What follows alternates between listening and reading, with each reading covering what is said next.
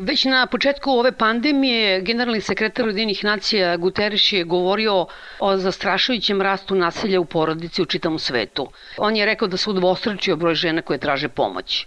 I Evropski parlament je vodio svoju statistiku i rekao da u pojedinim zemljama Evropske unije nasilje nad ženama i decom je poraslo čak za trećinu. Najveći skok ima Francuska čak, tamo je u proseku poraslo nasilje za 30%, u Parizu čak za 36%, a i u liberalnoj demokratskoj Danskoj, dakle 36% žena više je tražilo utočište u skloništem, odnosno sigurnim kućama. I u Kini, naravno u onoj već slavnoj provinciji Hubei, e, kažu zvaničnici da je nasilje nad porodično nasilje porastalo čak za 300%. E sad, To je trend praktično svuda u svetu, e sad kod nas je obrnuto, odnosno kao što je na početku pandemije rekao predsednik Vučić, e, nemamo zabeleženi veći broj prijava za porodično nasilje, a govori se čak i o smanjenju. I naravno na to se onda uključuju neki psihoterapeuti, neki takozvani stručnjaci koji govore da je razlog tome to što naši muškarci svoje žene tuku samo zbog ljubomore, sad pošto su zajedno u kući po ceo dan, onda ne, ona ne može da ga prevari, te on nema razlog razloga onda da je bije. Tanja, da li uopšte postoji neka evidencija, da li ima više prijava za nasilje, ako nema, kako vi to objašnjavate? I opet da citiram Vučiće koji je rekao, ako bude više prijeva, to nije nikakav problem, nadležni su spremni da reaguju. Razlika postoji između onoga što e, smo čuli da su izjave Ministarstva unutrašnjih poslova, kao što ste rekli, oni su odmah e, ne posle prvoga meseca, zapravo u martu mesecu smo imali samo pola meseca pod vanrednim stanjem, pola je bilo redovno, rekli da su dobili 10% manje prijava događaja nasilja, ali ono što je najviše zapravo beležilo pad, to su sastanci grupe za koordinaciju i saradnju koju zapravo čine predstavnik policije, tužilaštva i predstavnici Centra socijalni rad koji razmatraju novo prijavljene slučajeve, prave planove zaštite i tih sastanaka je već u martu mesecu bilo za petinu manje, a planova i razmatranih slučajeva je bilo za trećinu manje. U aprilu mesecu broj sastanak je manje, manje je održano 42% sastanaka, a broj e, razmatranih slučajeva i broj planova se smanjio za dve trećine. Znači, to je pokazalo da sistem zapravo nema mogućnost jel, da se organizuje i da možda radi odloženo jel, na distanci bez direktnog susreta.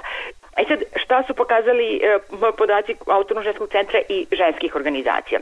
Na početku nije bilo povećane na, na ovaj zvanja ili prijava, ali su možda prve ili druge nedelje žene počele više da zovu, ti pozivi nisu bili samo vezani za nasilje. Žene, pored nasilja, imaju čitav niz drugih s nasiljem povezanih egzistencijalnih problema. Takođe, sistem zanemaruje da se one nalaze u različitim fazama procesa izlaska iz nasilja. Neke su razdvojene od nasilnika, neke žive u istom prostoru sa njima. Osim toga, neke od njih imaju preko 65 godina i njihovi učinioci imaju preko 65 godina. Mi zaboravljamo da jedan značajan broj muškaraca koji čine nasilje preko 10% njih je starije od 60 godina, znači oni su bili zatvoreni ceo dan, dakle bez mogućnosti da odu do apoteke ili samo uslugu osim ono kad su ih puštali u 4 sata. Dakle, mi smo dobili tri puta više poziva zato što su žene zvale i zbog pitanja nasilja, ali i zbog drugih pitanja koje su sa njima povezani, pre svega zbog pitanja oko viđanja e, tih očeva koji su nasilni sa decom, jer su one bile u strahu ako puste decu da im ovi neće vratiti, da su to vanredne situacije, kad su ona zatvaranja bila po 3-4 dana da možda neće moći posle da ih preuzmu jer institucije nemaju kapacitete da rade, to ne bi možda bilo hitno i slično pominjali se sistem. Dakle, mi znamo da su nastavnici recimo, i profesori mogli da obavljaju kakvu takvu nastavu na daljinu i da se održi makar privid nastavka obrazovnog sistema, ali nisam videla da recimo centri za socijalni rad koji imaju enormno mnogo posla inače u ovoj zemlji i enormno mnogo korisnika su uopšte opremljeni da u ovom vremenu, a ovo vreme se neće završiti očigledno brzo, nego će trajati mesecima ako ne i duže, nisu uopšte e, spremni, odnosno opremljeni da rade e, na daljinu sa svojim korisnicima. tako je izgledalo. Znači, e, centri su organizovali dežurstva, znači jako smanjeni broj e, ljudi koji su fizički bili u zgradama. Ono što se pokazalo to je da oni očigledno nemaju ili kapaciteta u smislu tehničke opreme, a to se odnosi na službene telefone i na kompjutere ili nemaju uputstva ili niko nije rekao kako da se dakle na daljinu taj rad organizuje. Ono što smo videli u medijima to je recimo ona suđenja koja su rađena online, jel? Bilo je mnogo komentara da li okrivljeni može na taj način da se kažnjava, ali ono što je nama bilo upadljivo ili zanimljivo to je da zapravo kad god smo tražili da žrtve, a posebno maloletne žrtve, ne ulaze u sudnicu i nemaju suočavanja sa izvršicima. Ne daju izjave pred onima koji su vršili nasilje prema njima, da kada dobiju onaj status posebno osetljivog svedoka, nikada nismo u tome uspeli, a onda smo jedan put bili spremni da to radimo kad je država htela da kažnjava i da pokaže kako drastično može da kazni. Ja bih volela da mi tehniku koristimo recimo i u sprečavanju sekundarne viktimizacije žrtava i naročito kad su deca u pitanju i naročito kad su seksualni delikti u pitanju. Da li se ja dobro negde to videla ili pročitala ili čula, ne znam šta već, da je negde na jugu Srbije neka žena koja je bežeći od nasilnika iz kuće otišla u policiju, tamo onda kažnjena zbog prekoračenja zabrane kretanja. Bilo je takvi slučajevi ne samo na jugu Srbije, mada su naše koleginici iz Niša i iz Vranja, koje imaju SS telefone specijalizovane za podršku žrtvama, prve ukazale na to da zapravo kada žene izađu iz kuće u vreme policijsku čast, odnosno ne zabrane kretanja, zato što je nasilje takvo da su one, dakle, istrče iz kuće i odu u policiju da prijave nasilnika, da ih tamo dočekaju i sprovedu kod prekršenog sudije i da su one kažnjavane autonomnom ženskom centru se javila jedna žena koja je iz zapadne Srbije malog mesta koja je rekla da je dobila kaznu od 50.000 dinara zbog toga. To je potpuno neverovatno zato što prvih e, dana i nedelje kad su mnogi mediji zvali e, ženske organizacije i pitali šta treba žene da urade i zašto je ova situacija sada opasna, mi smo sve ponavljale, naravno da nije zabranjeno bežati kada ste ugroženi nasiljem, kada mi je život u opasnosti, istrčite iz kuće, pozovite policiju i otiđite u policiju, prijavite nasilje nikom od nas nije palo na pamet da policija neće da čuje to, nego će da reaguje na ovu jednu zabranu. Videli smo mi mnogo puta da, da je kršen policijski čas, ali da su neki očigledno imali dozvole da ga krše. S druge strane, naše su koleginice iz Niša i Vranja pisale jedno saopštenje vladi tražeći da se zapravo naloži da žene mogu da budu primljene u sigurne kuće, jer su sigurne kuće tražile da one imaju negativni test u vreme kad testova nije ni bilo, čak ni sigurne kuće nisu bile opremljene, dakle nisu imali verovatno prostor u kome bi mogli da drže u dve nedelje u izolaciji ženu koja ulazi u sigurnu kuću da, da zaštite one žene koje su i decu koje su već tamo.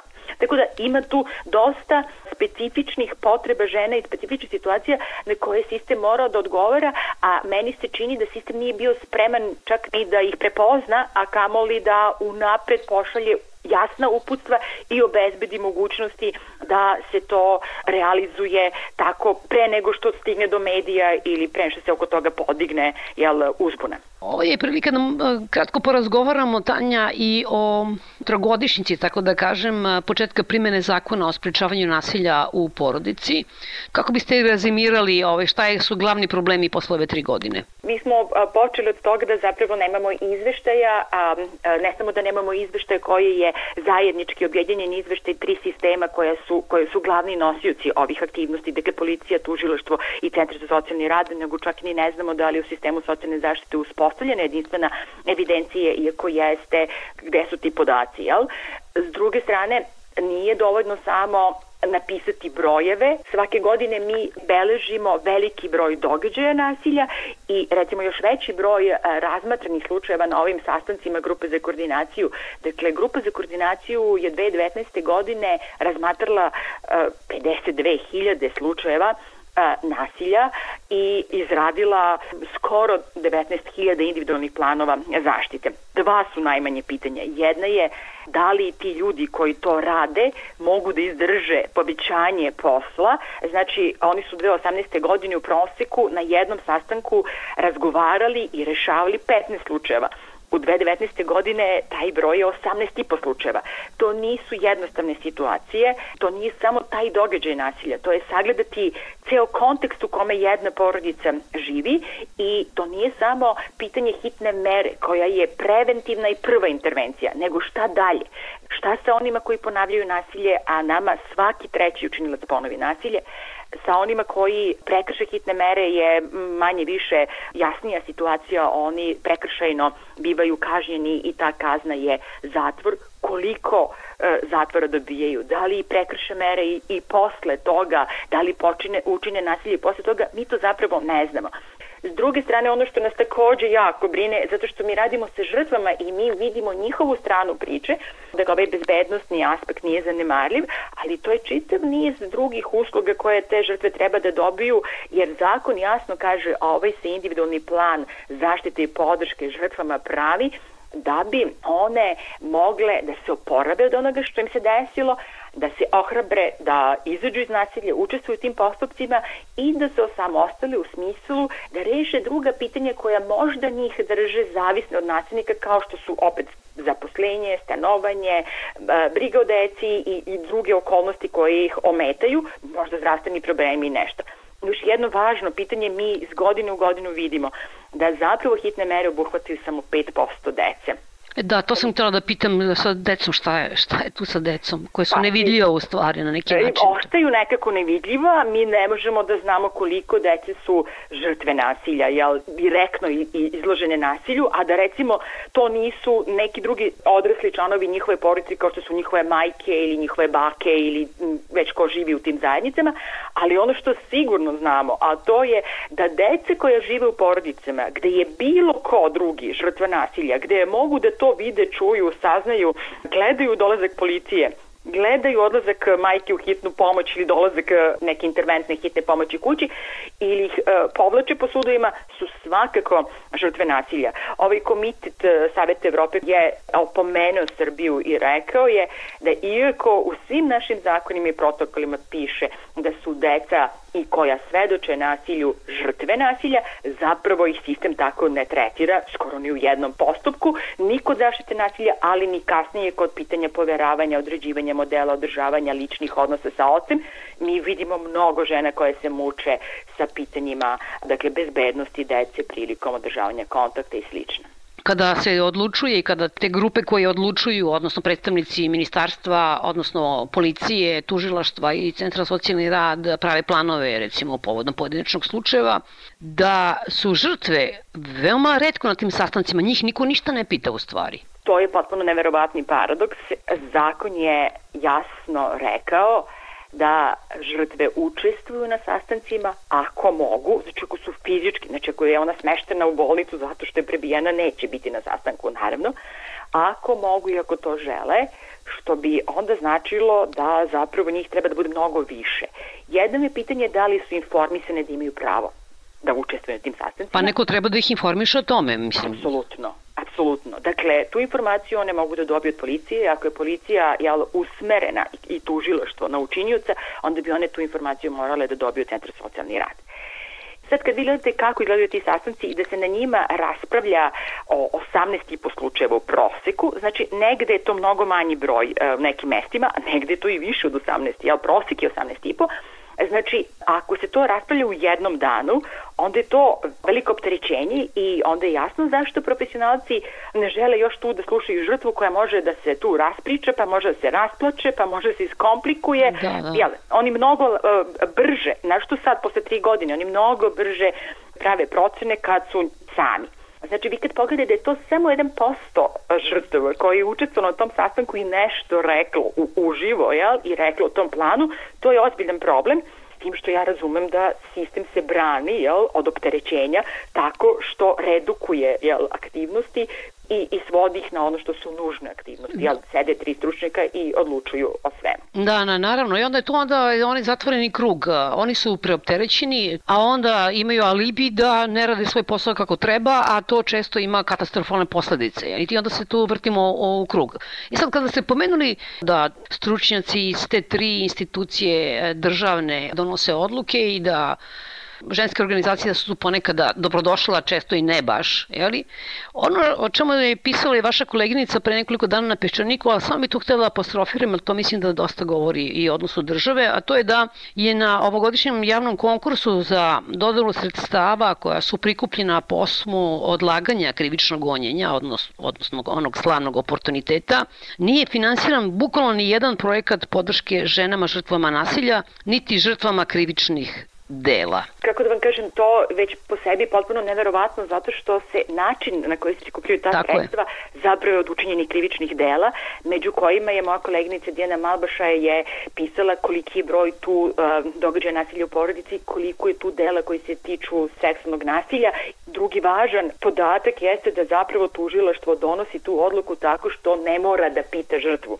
Znači, ona možda nije voljena da se to završi oportunitetom, ona bi možda da tužilac podnese krivičnu prijavu i da kazni zatvorom, odnosno da pokrene postupak gde će učenic biti kažnjen zatvorom ili bar uslovnom kaznom, pa će problem da ponavlja nasilje jer to onda podrazumeva krivičnu odgovornost. Znači, tužilac ima tu mogućnost da napravi procenu i da napravi odluku o tome, a onda vi zapravo ne vratite taj novac, bar jedan deo toga novca, za žrtve. To je po sebi paradoksalno.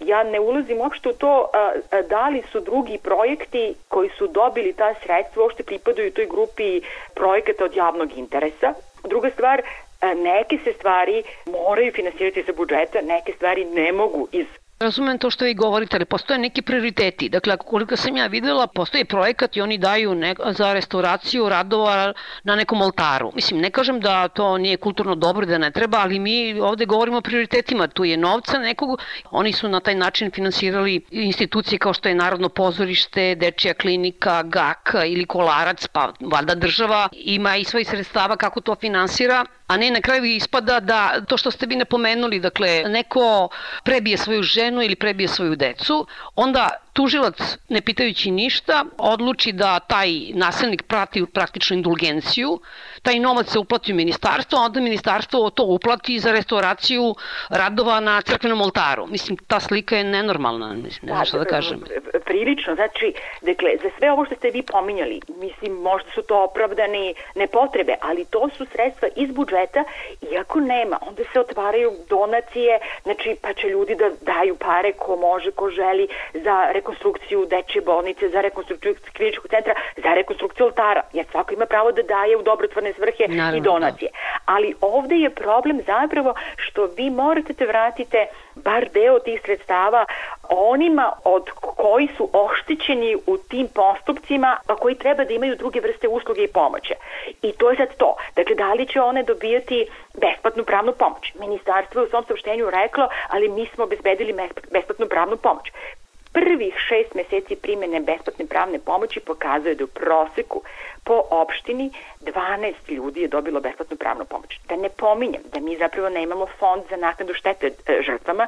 Znači, to je jedna paradoksalna situacija i stvarno je nerazumljiva bez što se ministarstvo pravde vrlo naljutilo na to saopštenje potpuno je nerazumno da vi nemate e, godišnje bar kvotu da se kaže davaće se za podršku žrtvama krivičnih dela jer se od njih odnosno od njihovih učinjenaca njihovih te pare i kumuliraju.